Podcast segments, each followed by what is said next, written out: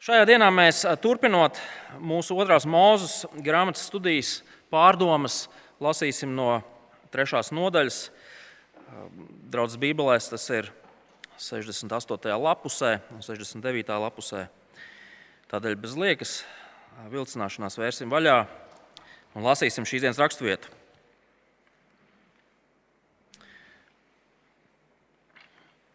Mozus ganīja savu sievas tēva, Midjāna priestera Jetru Sāvis. Viņš dzina avis pār tūkstnesim un nonāca pie dieva kalna Horeba. Un uguns liesmā viņam parādījās kunga eņģelis no ērču krūma. Viņš raudzījās un redzi, ērču krūms dega ugunī, bet nesadega. Un Mozus teica: Pieejuši jau apskatīt šo lielo parādību, kāpēc ērču krūms nesadeg. Un kungs ieraudzīja, ka viņš nāk klāt, lai redzētu, un Dievs sauca uz viņu no krūma vidus mūzu, mūzu. Un tas teica, es te. Tad viņš teica, netuvojies, noja sandāls no kājām, jo vieta, kur tu stāvi, ir svēta zeme. Viņš teica, es esmu tava tēva dievs, Ābrahama dievs, Īzaka dievs un Jēkaba dievs. Un Mozus paslēpa savu seju un baidījās palūkoties uz Dievu. Un kungs teica, Redzēt, es redzēju manas tautas apspiestību Eģiptē, un es dzirdēju viņus brēcam par vagariem, jo es zinu viņu ciešanas. Es esmu nācis izglābt viņus no eģiptiešiem un aizvest viņus no tās zemes uz labu un plašu zemi, uz zemi, kur plūst piens un medus, uz kanāniešu, un hetiešu, un amoriešu, un periziešu, un hiviešu un iebūciešu vietām. Un tagad redzi, pie manis ir nonākusi Izraēla dēla brēkšana un es esmu redzējis arī spaidus, ar ko eģiptieši tos apspiež. Un tagad ej, es tevi sūtīšu pie faraona, un tu izvedīsi manu tautu, Izraēla dēls no Eģiptes. Bet Mozus teica Dievam, kas es tāds esmu, ka man jāiet pie faraona un jāizved Izraēla dēlu no Eģiptes. Un viņš teica, es taču būšu ar tevi. Un šī tev ir zīme, ka es tevi esmu sūtījis. Kad tu izvedīsi tautu no Eģiptes, jūs kalposiet Dievam šajā kalnā. Bet Mozus teica Dievam, redz, es atnākšu pie Izraēla dēliem un teikšu tiem, pie jums man ir sūtījis jūsu tēvu Dievs. Bet viņi jautās, kāds ir viņa vārds? Ko lai es tiem saku? Un Dievs teica Mozum, es esmu, kas es esmu. Viņš teica, tā saka Izraēla dēliem, esošais mani pie jums sūtīs. Un vēl Dievs Mozum teica, tā saka Izraēla dēliem, Kungs, jūsu tēvu dievs, Ābrahama dievs, Īzeka dievs un Jēkab dievs man ir sūtījis pie jums. Tas ir mans vārds uz mūžiem, un tā man ir jāpiesauc paudžu paudzēs. Ej, sapulcini Izraēlu vecajos un saki tiem: Man parādījās kungs, jūsu tēvu dievs, Ābrahama, Īzaka un Jēkaba dievs, sacīdams: Es vērstin esmu pievērsies jums un tam, kas jums tiek darīts Eģiptē.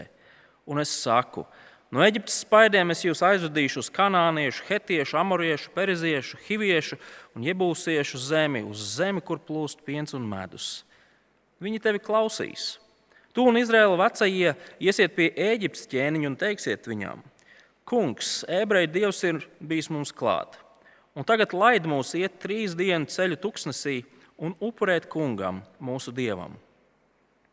Un es zinu, ka Eģiptes ķēniņš neļaus jums iet un aizturēs ar varu Tad es sākšu sist Eģipti ar visiem saviem brīnumiem, ko es darīšu. Pēc tiem viņš jūs atlaidīs. Es dāvāšu tautai eģiptiešu vēlību, un kad jūs iesiet, jūs neaizietsiet tukšā. Tad ik sieva, lai prasa savai kaimiņienei, un tai, kas dzīvo līdzās tās namā, sudraba traukus, zelta traukus un drānas, tos lai nes jūsu dēlu un meitas, un jūs aplaupīsiet Eģipti. Tas ir tā kunga vārds. Lūksim Dievu. Patiesi, debes Tēvs, Tavs vārds nekad, ne, kad tas tiek sūtīts no Tevis, tas neatgriežas atpakaļ tukšā. Nepadarīs to darbu, kādēļ tas ir ticis izsūtīts. Tad, debes Tēvs, mēs lūdzam, lai Tavs vārds pie mums arī šajā pēcpusdienā dara savu darbu. Lai tas mūs māca, lai tas mūs pārveido, lai tas mūs paskubina, stiprina, izaicina lai tas uzrāda mūsu nepilnības un dod mums cerību. Palīdz arī man, Tēvs, šajā dienā runāt skaidri un pats galvenais - uzticīgi tam, ko Tavs vārds ir atklājis. Jēzus vārdā to lūdzam. Amen. Visos laikos un dažādās kultūrās personu vārdiem vienmēr ir bijusi nozīme. Personu vārds kaut ko atklāja par individu vai, vai kopienu, kurā šis indivīds dzīvoja, par viņa identitāti, viņa izcelsmi, viņa darbu, viņa nodarbošanos, viņa personību, viņa piederību un tā tālāk un tā joprojām. Pagājušajā gadā, apsveicot vārdu dienā, man kāds cilvēks atsūtīja arī nelielu skaidrojumu tam, ko nozīmē vārds Mārtiņš. Izrādās karavīgais. Tas nāk no grieķu valodas, saistīts ar, ar, ar kara dievu Marsu. Latviešu mitoloģijā izrādās tas ir zirgu patrons. Viņam plašs vēriens, mērenība, dinamiskums, ļaužu lokā izmanīgs un prasīgs. Latvijā pirmo reizi parādījies 1601. gadā. Draugi, es nezinu, kas ir šī saraksta. Es ceru, ka tas cilvēks, kas sūtīja, to neizgudroja. Bet, ja arī tā ir, tad viņš ir kļūdījies. Tādēļ, ka zinot manu, es atvainojos zirgu mīļi, šausmīgo nepatiku pret zirgiem, pavisam noteikti šis apraksts neraksturo um, vismaz vienu mārciņu šajā telpā. Taču agrāk personu vārdiem bija daudz, daudz nopietnāka nozīme. Pirmajā mūža grāmatā mēs redzam vienu šādu varoni, Ābrams, kuru Dievs pārdevēja par Ābrahāmu. Kāpēc? Tāpēc, ka Ābrahamam bija jākļūst par daudzu tautu tēvu. Un kādu dienu Ābrahams arī kļuva par daudzu tautu tēvu. Vai arī mūsu priekšā esošajā grāmatā Mūzes nozīmē no ūdens izvilktais, un dzirdot šo frāzi, mēs uzreiz atceramies, ko tas nozīmē. Vai Mūzes pirmdzimtais dēls, Geršons, nozīmē svešinieks tālā zemē. Dzirdot šo vārdu, mēs zinām, par ko ir runa. To visu zinot, mūsu priekšā esošā nodaļa ir īpaši satraucoša. Kāpēc? Tāpēc, ka šajā nodaļā Mozus dievam uzdod kādu svarīgu jautājumu. Kā tevi sauc? Zināt dievu vārdu nozīmē zināt kaut ko par pašu dievu. To, kāds viņš ir, ko viņš dara, kādi ir viņa motīvi, kādi ir viņa nodomi. Atcerēsimies, ka otrās mūža grāmatas autora lielais nodoms ir parādīt cilvēkiem to, kāds tad ir Dievs. Lai cilvēki varētu pazīt Dievu. un patiesi šajā grāmatā Dievs sevi ļoti skaidrā un nepārprotamā veidā dara zinām. Draugi, mēs zinām, ka mūsu līdzcilvēkiem, nu, tie, kas godīgi ir gatavi par to runāt, katram ir savs priekšstats un viedoklis par to, kāds ir Dievs. Taču ir ārkārtīgi muļķīgi turēties pie viedokļa vai uzskata, kas nav balstīts realitātē. Pareizi, mēs visi tam piekrītam. Un labā ziņa ir tāda, ka Dievs sevi atklāja. Mums nav jāspekulē, mums nav jāfantazē, mums nav jāsāk teikums, man liekas, ka Dievs ir, un tad mēs daudz punktus vietā ieliekam, ko vien mēs domājam. Nē, Dievs sevi ir atklājis. Viņš par sevi ir atklājis daudzas svarīgas lietas kuras mēs varam ņemt vērā un par kurām mēs varam būt priecīgi. Šīs dienas nodaļa sastāv ērtības labad no trim daļām. Pirmajā daļā Dievs atklāja sevi mūzumu, viņš parādās mūzumu. Otrajā daļā Dievs mūzumu atklāja savu nodomu, un visbeidzot, trešajā daļā Dievs mūzumu atklāja savu vārdu. Un šīs nodaļas mērķis ir pavisam vienkāršs. Mūzus un ik viens cits cilvēks, kurš lasa šo mūzus liecību, var ne tikai zināt to, kāds ir Dieva nodoms, bet būt paļāvības pilns par to, ka Dievs īstenos savu nodomu. Dieva vārds atklāja to, ka Dievs savā būtībā ir apsolījumus dodošs un piepildošs Dievs. Rakstiet sākas pavisam ikdienišķi. Kārtējā darba diena Mediānā, Tuksnesī, kur Mozus jau kuro gadu desmitu gana savu sievas tēva aitas. Mēs joprojām redzam, ka Mozus ir svešinieks tālā zemē. Ganot lopus, Mozus nonāk pie Horeba kalna. Pie šī kalna mēs vēl šīs grāmatas pārdomās atgriezīsimies nedaudz tālākā nākotnē, jo šis ir tas pats Sinai kalns, pie kura sapulcējis, kādu dienu sapulcējis izglābtais Izraels. Parastā diena pēkšņi kļūst pavisam, par pavisam neparastu dienu. Mozus ierauga ēršu krūmu, kas deg, bet nesadeg. Un, būdams normāls, zinkārīgs cilvēks, viņš dodas skatīties, nu, kas tur īsti notiek. Un tajā brīdī, kad Mozus tuvojas krūmam, notiek vēl kaut kas negaidītāks. Skatieties no 4. pānta. Un kungs ieraudzīja, ka viņš nāk klāt, lai redzētu, un Dievs sauca viņam no ērču krūma vidus mūzu, mūzu. Un tas teica, es te, tā viņš teica, netuvojies. Novis sandāls no savām kājām, jo, zemes, jo vieta, kur tu stāvi, ir svēta zeme. Viņš teica, es esmu tava tēva dievs, Ābrahama dievs, Īzaka dievs un Jēkabā dievs. Šī ir pirmā reize kopš neatmanāmiem laikiem, kad Dievs atkal runā.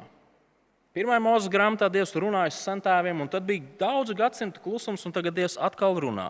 Un tad, kad Dievs runā, tad vienmēr ir prātīgi klausīties. Mēs nezinām, vai Mozus uzreiz saprata to, kas tad īsti ar viņu runā. Tāpat mēs īsti nezinām to, ko Mozus zināja un ko viņš nezināja par Dievu. Taču pavēle noauc sandāls un tas, kas tiek pateikts 6. pantā, mums liek parādīt, liek saprast to, ka šis brīdis ir unikāls. Jo Mūzus ir sastapies ar pašu visvareno Dievu, visu valdītāju, debesu un zemes radītāju. Šis ir tas Dievs, kurš šajā brīdī pie Horeba kalna personīgi ir atklājies mūzumu.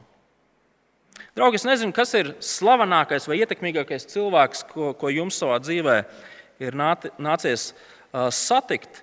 Bet jo ietekmīgāk ir šī persona, jo skaidrāk mēs apzināmies to, cik neatbilstoši mēs esam. Mēs gribam atstāt labu iespaidu, un tādēļ aizlūzusi balss neīstajā brīdī vai gaužām muļķīgi atbild uz šī cilvēka jautājumu, kas pēc tam vajā visu mūžu.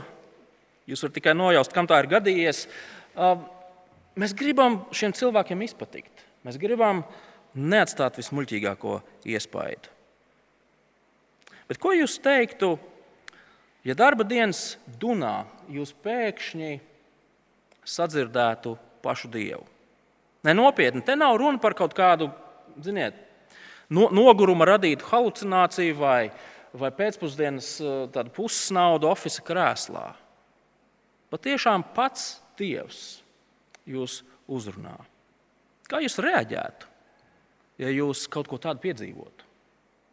Skatieties, ko dara Mozus 6. panta izskaņā. Un Mozus paslēpa savu seju, jo baidījās palūkoties uz Dievu. Draugi, Mozus ir absolūti bezspēcīgs un neaizsargāts šajā situācijā. Viņš apzinās savu nepilnību, savu grēcīgumu, savu, ja gribat, kailumu Dievu priekšā. Zeme, uz kuras viņš šobrīd stāv, varbūt jau pat ir pakritis, ir svēta zeme, tāpēc, ka uz tās atrodas paša Dieva klātbūtne. Nekas nešķīsts, grēcīgs, nepilnīgs nevar atrasties svēta, pilnīga Dieva priekšā. Vienīgā pareizā reakcija um, sastopoties ar nepastarpinātu dievu klātbūtni. Ir tas, ko dara Mozus. Vienkārši krīt gar zemi. Neko citu nevar izdarīt. Apklāj sevi. Mēs reizēm sakām, un tas ir pareizi, ka mēs tā sakām, jo raksts to māca. Dievs ir mīlestība. Jā, Dievs ir mīlestība. Taču Dievs ir arī svēts Dievs. Dieva svētums, tāpat kā viņa mīlestība, ir nemainīga Dieva īpašība. Mēs dzīvojam laikā pēc Kristus, un Kristus krusta veikums mūs ir padarījis par Dieva ļaudīm. Tādēļ mums nav panikā jādrab Dievu priekšā. Taču tāpat laikā mēs esam aicināti bīties Dievu. Vai mēs saprotam to, ka lai arī Viņš ir mūsu debesu Tēvs, kurš par mums rūpējās, Viņš ir arī varants valdnieks, kurš mums ir jāciena un jārespektē. Dievs nav kaut kāds papiņš, kā es nesen dzirdēju, kādu latviešu mācītāju Dievu nosaucām. Dievs nav kaut kāds savējais čomiņš, džekiņš, opītis. Dievs nevienam neko nav parādā. Dievam mums nav jāatskaitās. Viņam nav jāatbild uz mūsu jautājumiem. Draugi, viņš to dara, bet pēc būtības. Viņš ir reāli biedējošs. Mūzes paslēpa savu vaigu, jo baidījās. Dažas nodaļas vēlāk mēs, mēs redzēsim, kā Izraēla tauta izgājusi jau no Eģiptes verdzības brīvībā, nonāk pie šī paša Horeba kalna. Viņi saka, Mūzu, tu labāk runā ar mums. Mēs negribam, lai Dievs ar mums runā, jo mums ir bail. Bailes no Dieva pārākuma ir pareizā reakcija. Cilvēks, kurš saka, ka viņam nav bail no Dieva, par Dievu neko daudz nezina. Bet kāpēc, kāpēc Dievs parādās mūzum? Kāpēc Dievs atklāja sevi mūzum? Kāpēc Dievs runā ar mūzu? Mēs redzam, ka Dievs atklājas mūzum, jo viņš vēlas atklāt savus nodomus. Un mēs redzam to, ka lai arī dižens savā svētumā un varenībā, Dievs ir absolūti un sirsnīgi ieinteresēts tajā, kas notiek ar viņa ļaudīm. Dievs atklāja savu nodomu. Skatieties, 7. pantā. Un kungs teica, redzēt, es redzēju manas tautas apspiestību Eģiptē, un es dzirdēju viņus brēcam par vagariem, jo es zinu viņu ciešanas. Un skatieties, 9. pantā. Un tagad redzi, pie nonākusi, pie manis ir nonākusi Izraēla dēla brēkšana, un es esmu redzējis arī spaidus, ar ko eģiptieši tos apspiež. Dievs ir redzējis, Dievs ir dzirdējis, vēl vairāk Dievs pazīst savu ļaužu ciešanas. Visas viņu grūtības, šausmas, pārdzīvojumi Dievam ir zināmi. Lai arī Dievs ir visam pāri esošs, tāls, neaizsniedzams, cilvēcīgi, Viņš ir tepat līdzās. Un viņš rīkosies, ļaudz, lai savus ļaudis izglābtu. Un viņš šim glābšanas darbam ir izredzējis mūzu. Tieši tādēļ viņš ir ir atklājies mūzum. Skatieties, 8. un 10. pantā. Es esmu nācis izglābt viņus no eģiptiešiem un aizvest viņus no tās zemes uz labu un plašu zemi, uz zemi, kur plūst piens un medus, uz kanāniešu, hetiešu, amoriešu, perisiešu, hiviešu un iebūsiešu vietām. Un tagad ej, es tevi sūtīšu pie faraona, un tu izvedīsi manu tautu, Izraēla dēlus, no Eģiptes. Ko šie panti mums pasaka par visvarano svēto dievu? Viņš noteikti nav kaut kāds tāls, neinteresēts, bezpersonisks spēks. Viņš nav kaut kāda kosmiskā enerģija, kā reizēm cilvēku dievu sauc. Un tāpat tās dievs nav, Bībeles dievs nav kā alāhs, kurām, gudīgi sakot, ir nospļauties par cilvēku. Dievs atklāja patiesas rūpes, līdzjūtību un gatavību palīdzēt. Dievs atbrīvos tautu no Eģiptes verdzības, no ciešanām, no posta.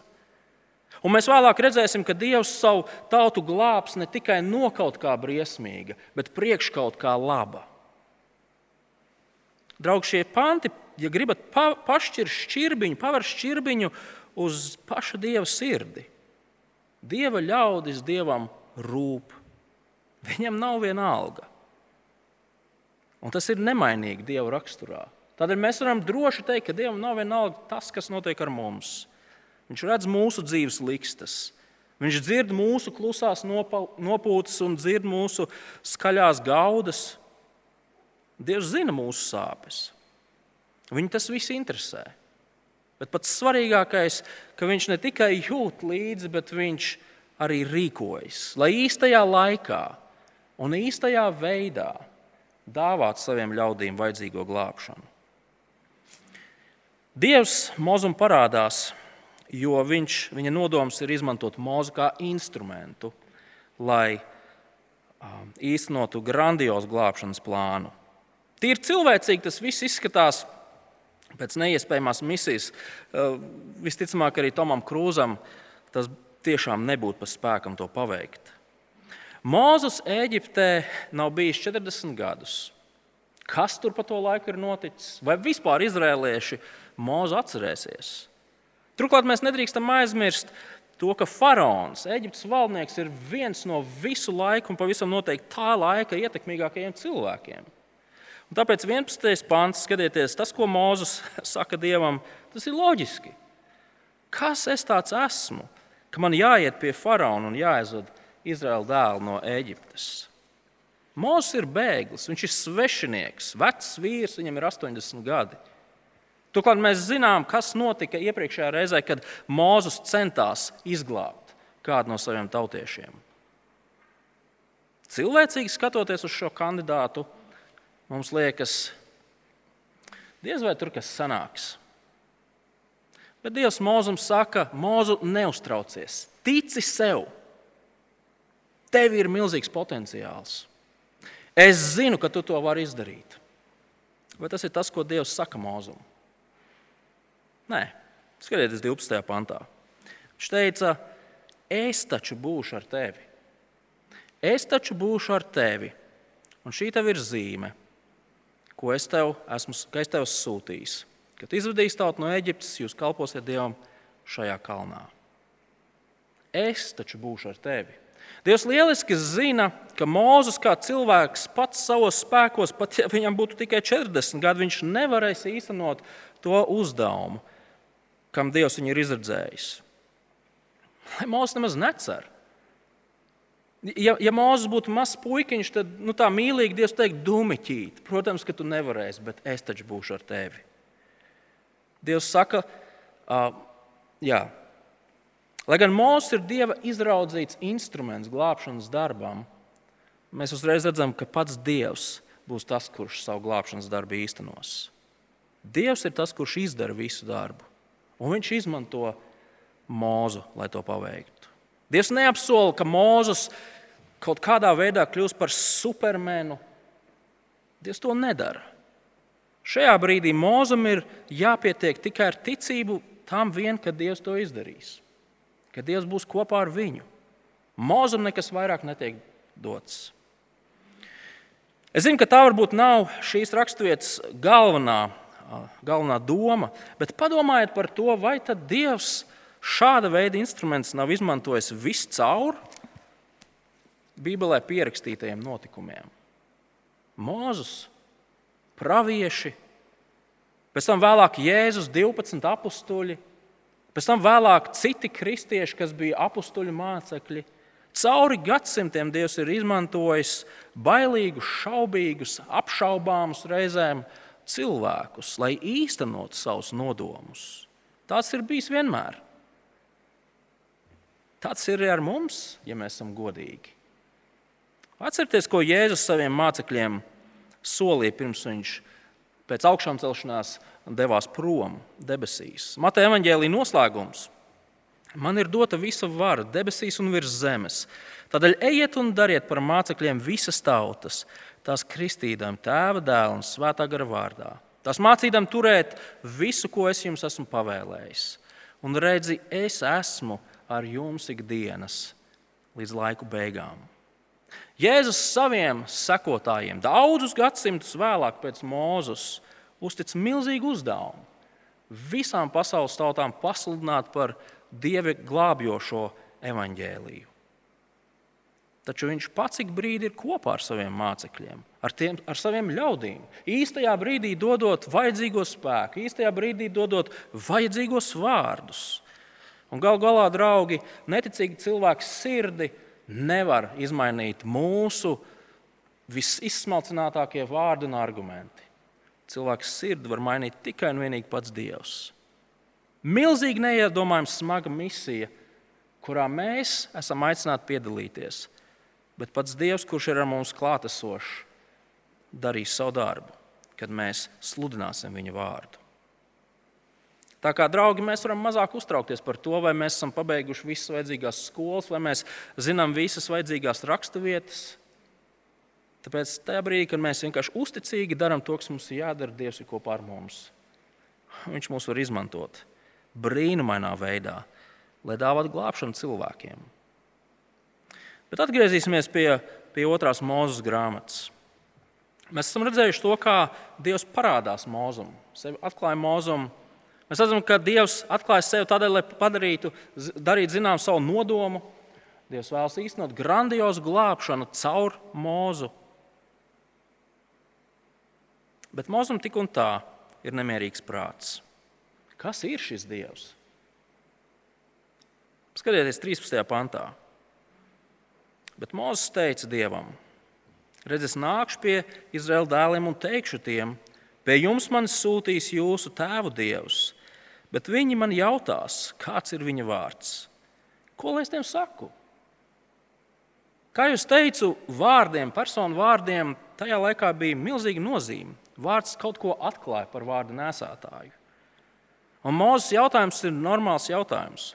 Nu, iedomājieties, tik, kā tas ir mūzum pēc 40 gadu prombūtnes, atgriezties mājās, sasaukt kopā visus tautas vadītājus un teikt, Dievs man teica, ejam! Un, vadi, un, un šie Izraēla tautas vadītāji teica, jā, mēs tevi visu laiku gaidījām, patiešām ejam. Nē, nē, nē. Tautas vadītāji gribētu iegūt papildus informāciju. Kas ir tas Dievs, kurš tev tur tuksnesī pie degošajiem krūmiem runāja. Kā viņu sauc? Kas viņš tāds ir? Un Dievs atbild uz Mozus jautājumu. 14. pantā. Es esmu, kas es esmu, viņš teica. Tā saka Izraēla dēliem. Esošais man pie jums ir sūtījis. Šo frāzi es esmu, kas es esmu, var tulkot dažne dažādi.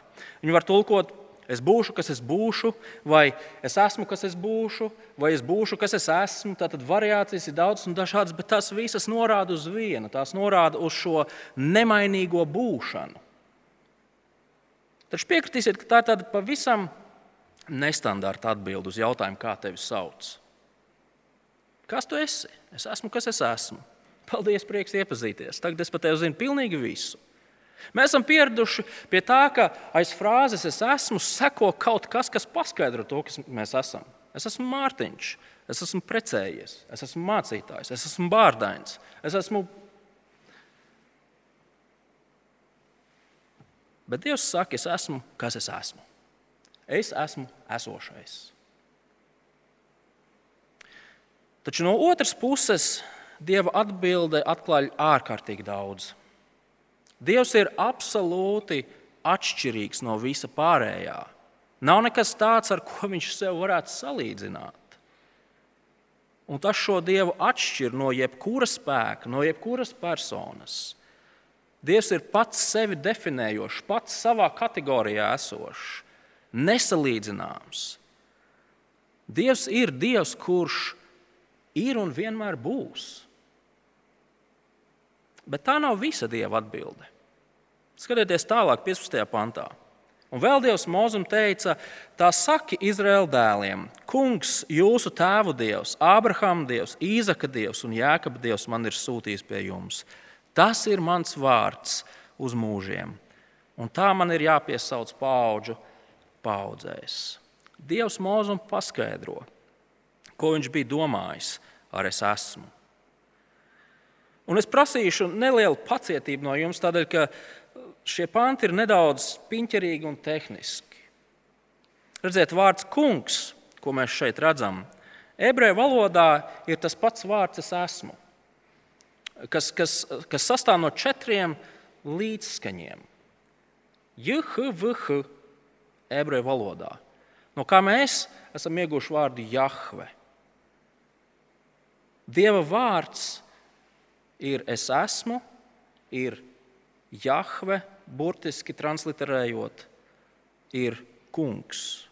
Un tā, lasot veco derību līdz pat, līdz pat jaunai derībai, gandrīz vienmēr, tad, kad mēs runājot par Dievu, redzam vārdu kungs, tiek lietots šis vārds - es esmu, Jehvh, Jahve. Bet Dievs nekavējoties piemetina, ka Viņš ir Ābrahama Dievs, Īzaka Dievs, Jēkaba Dievs, Sentēvu Dievs. Tas ir viņa vārds uz visiem laikiem. Un šī formula, ja jūs pamanījāt, atkārtojas šajā nodaļā vesels trīs reizes. Pirmo reizi 6. pantā, kad Dievs parādās mūzumu, pēc tam 15. pantā, tam arī 16. pantā. Pieminot šos trīs sentēvus, Dievs par, par sevi pasaka ārkārtīgi daudz, ārkārtīgi svarīgu lietu. Es esmu derības un derības apsolījumu, apsolījumus dodošais un piepildošais Dievs. Es esmu derības Dievs. Un derība nozīmē apsolījumi un apsolījumu piepildījumu. Dievs ir šis nemainīgais derības dievs, cauri gadsimtiem nemainīgais. Sākot ar 1. mūzes grāmatas 12. nodaļu, kad viņš Abrahamam solīja viņu darīt par lielu tautu, ievest viņu uh, zemē, kur piens un medus tek, būt par svētību viņam un caur Abrahamu būt svētību citām tautām. Un Dievs cauri gadsimtiem nepārtraukti maziem solīšiem reizēm, reizēm pat nemanāmiem solīšiem, gādā par to, lai šie apsolījumi tuvotos to piepildījumam. Tādēļ Moza, kad ej pie Izraēla tautas vadītājiem, 16. un 17. pants, saki, sapulcini Izraēlu vecajos un saki tiem, man parādījās Jahve, jūsu tēvu dievs, Ābrahama, Īzaka un Jāekaba dievs, sacīdams, es vēstin esmu pievērsies jums un tam, kas jums tiek darīts Eģiptē, un es saku, No Eģiptes spaidiem es jūs aizvedīšu uz kanāniešu, hetiešu, amoriešu, periziešu, hiviešu, iebūsiešu zemi, uz zemi, kur piens un medus plūst. Rakstīts atlikušajos pantos, mēs redzam to, ka Dievs pavēsta Mozu un to, kā Izraēla dēli pieņem šo vēsti. Savukārt Mozus, es atvainojos, faraons pretosies, negribēs laist, taču beigu beigās Dievprāts notiks un faraons palaidīs ļaudis iet, un ne tikai palaidīs, bet Izrēlam būs iespēja iziet ar bagātīgām dāvanām, par kurām mēs runāsim kādā citā svētdienā. Kāds tad ir Bībeles Dievs? Mēs redzam, ka šajā nodaļā Dievs saka, es esmu esošais. Tas, kurš vienmēr ir, tas, kurš vienmēr būs. Tas, kurš nemainīgi ir nodevies uzturēt un piepildīt tos derības apsolījumus, kurus viņš noslēdz ar Ābrahāmu, Īzaku, Jēkabu, darīt par lielu tautu, ievest apsolītajā zemē un būt par svētību visām pasaules tautām. Šī nodaļa atklāja Dieva nodomu un to, kāds Dievs ir. Un mēs redzam, to, ka Viņš visu ir izplānojis. Viņš zina to, kā rēģēs izrēlieši, viņš zina to, kā rēģēs faraons, viņš zina to, ko faraons darīs. Un Dievs zina to, kā viss beigsies. Dieva prāts notiks agrāk vai vēlāk. Un tas tikai izceļ to, cik viņš ir liels, cik viņš ir spēcīgs, cik viņš ir varants. Ar Dievu nav nekādi joki. No viņa ir cieņpilni jābīstas. Viņš ir jārespektē, viņš ir jāgodā. Un tādēļ Mozus un Izrēlieši ir aicināti uzticēties šim Dievam. Viņiem priekšā stāv tāls ceļš, nez, nezināmais. Viņi atradās cilvēcīgi neapskaužamā situācijā, bet uzticēšanās šādam dievam noved pie drošas cerības, kas raugās tālāk par šī brīža problēmām, ierobežojumiem, apstākļiem. Zināšanas par to, ka Dievs ir, es esmu, kas es esmu, nemainīgais apsolījumus dodošais un apsolījumus piepildošais Dievs. Šīm zināšanām ir jādāvā vajadzīgais spēks, enerģija, virzība, pacelt acis no apkārt esošā un raudzīties uz priekšu, uz to dienu, kad šie apsolījumi patiešām tiks piepildīti. Un mēs, draugi, no šīs nodaļas esam aicināti mācīties tieši to pašu. Kāpēc? Tāpēc, ka Dievs joprojām ir apsolījums dodošais un piepildošais, nemainīgais Dievs. Mēs joprojām esam aicināti uzticēties tam, ka Viņš piepildīs visu to, kas vēl ir atlicis no Viņa apsolījumiem, kas vēl nav piepildījies. Mēs šajā gadā studējam vēstuli korintiešiem, liels vairums no mums, un otrās vēstules korintiešiem pēkšņi izkrīt no galvas, kurā pantā, pirmajā nodaļā, Pāvils saka, cik ir Dieva apsolījumi Kristū, tie visi ir jā. Kristū Dievs piepilda visus savus apsolījumus. Un kas tad mums Kristū ir apsolīts? Kas Kristū ir piepildīts? Kristū mums ir dāvāta grēka piedošana. Kristū mums ir dāvāts miers ar Dievu. Kristū no pazudināšanas un nāves mums ir dāvāta mūžīgā dzīvība.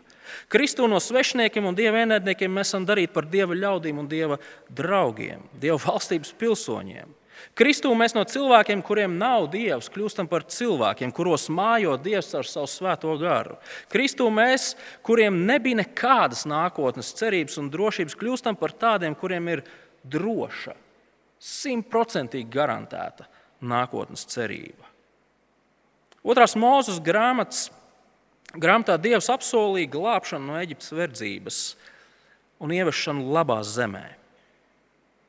Taču, draugi, šis Dieva grandiozais glābšanas darbs, šis vēsturiskais notikums, vienmēr ir norādījis uz vēl kādu citu, daudz grandiozāku glābšanu.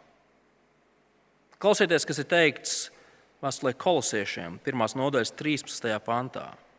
Mēs pateicamies Tēvam, kas mūs izrāva no tumsas valstības, varas un ievada savu mīļotā dēla valstībā. Viņa dēļ Dievs mūs ir atbrīvojis un mūsu grēkus piedevis. Iziešana no Ēģiptes verdzības ir vēsturisks notikums, bet tas vienmēr ir bijis kā tāds simbols vai norāde uz kādu citu vēsturisku notikumu.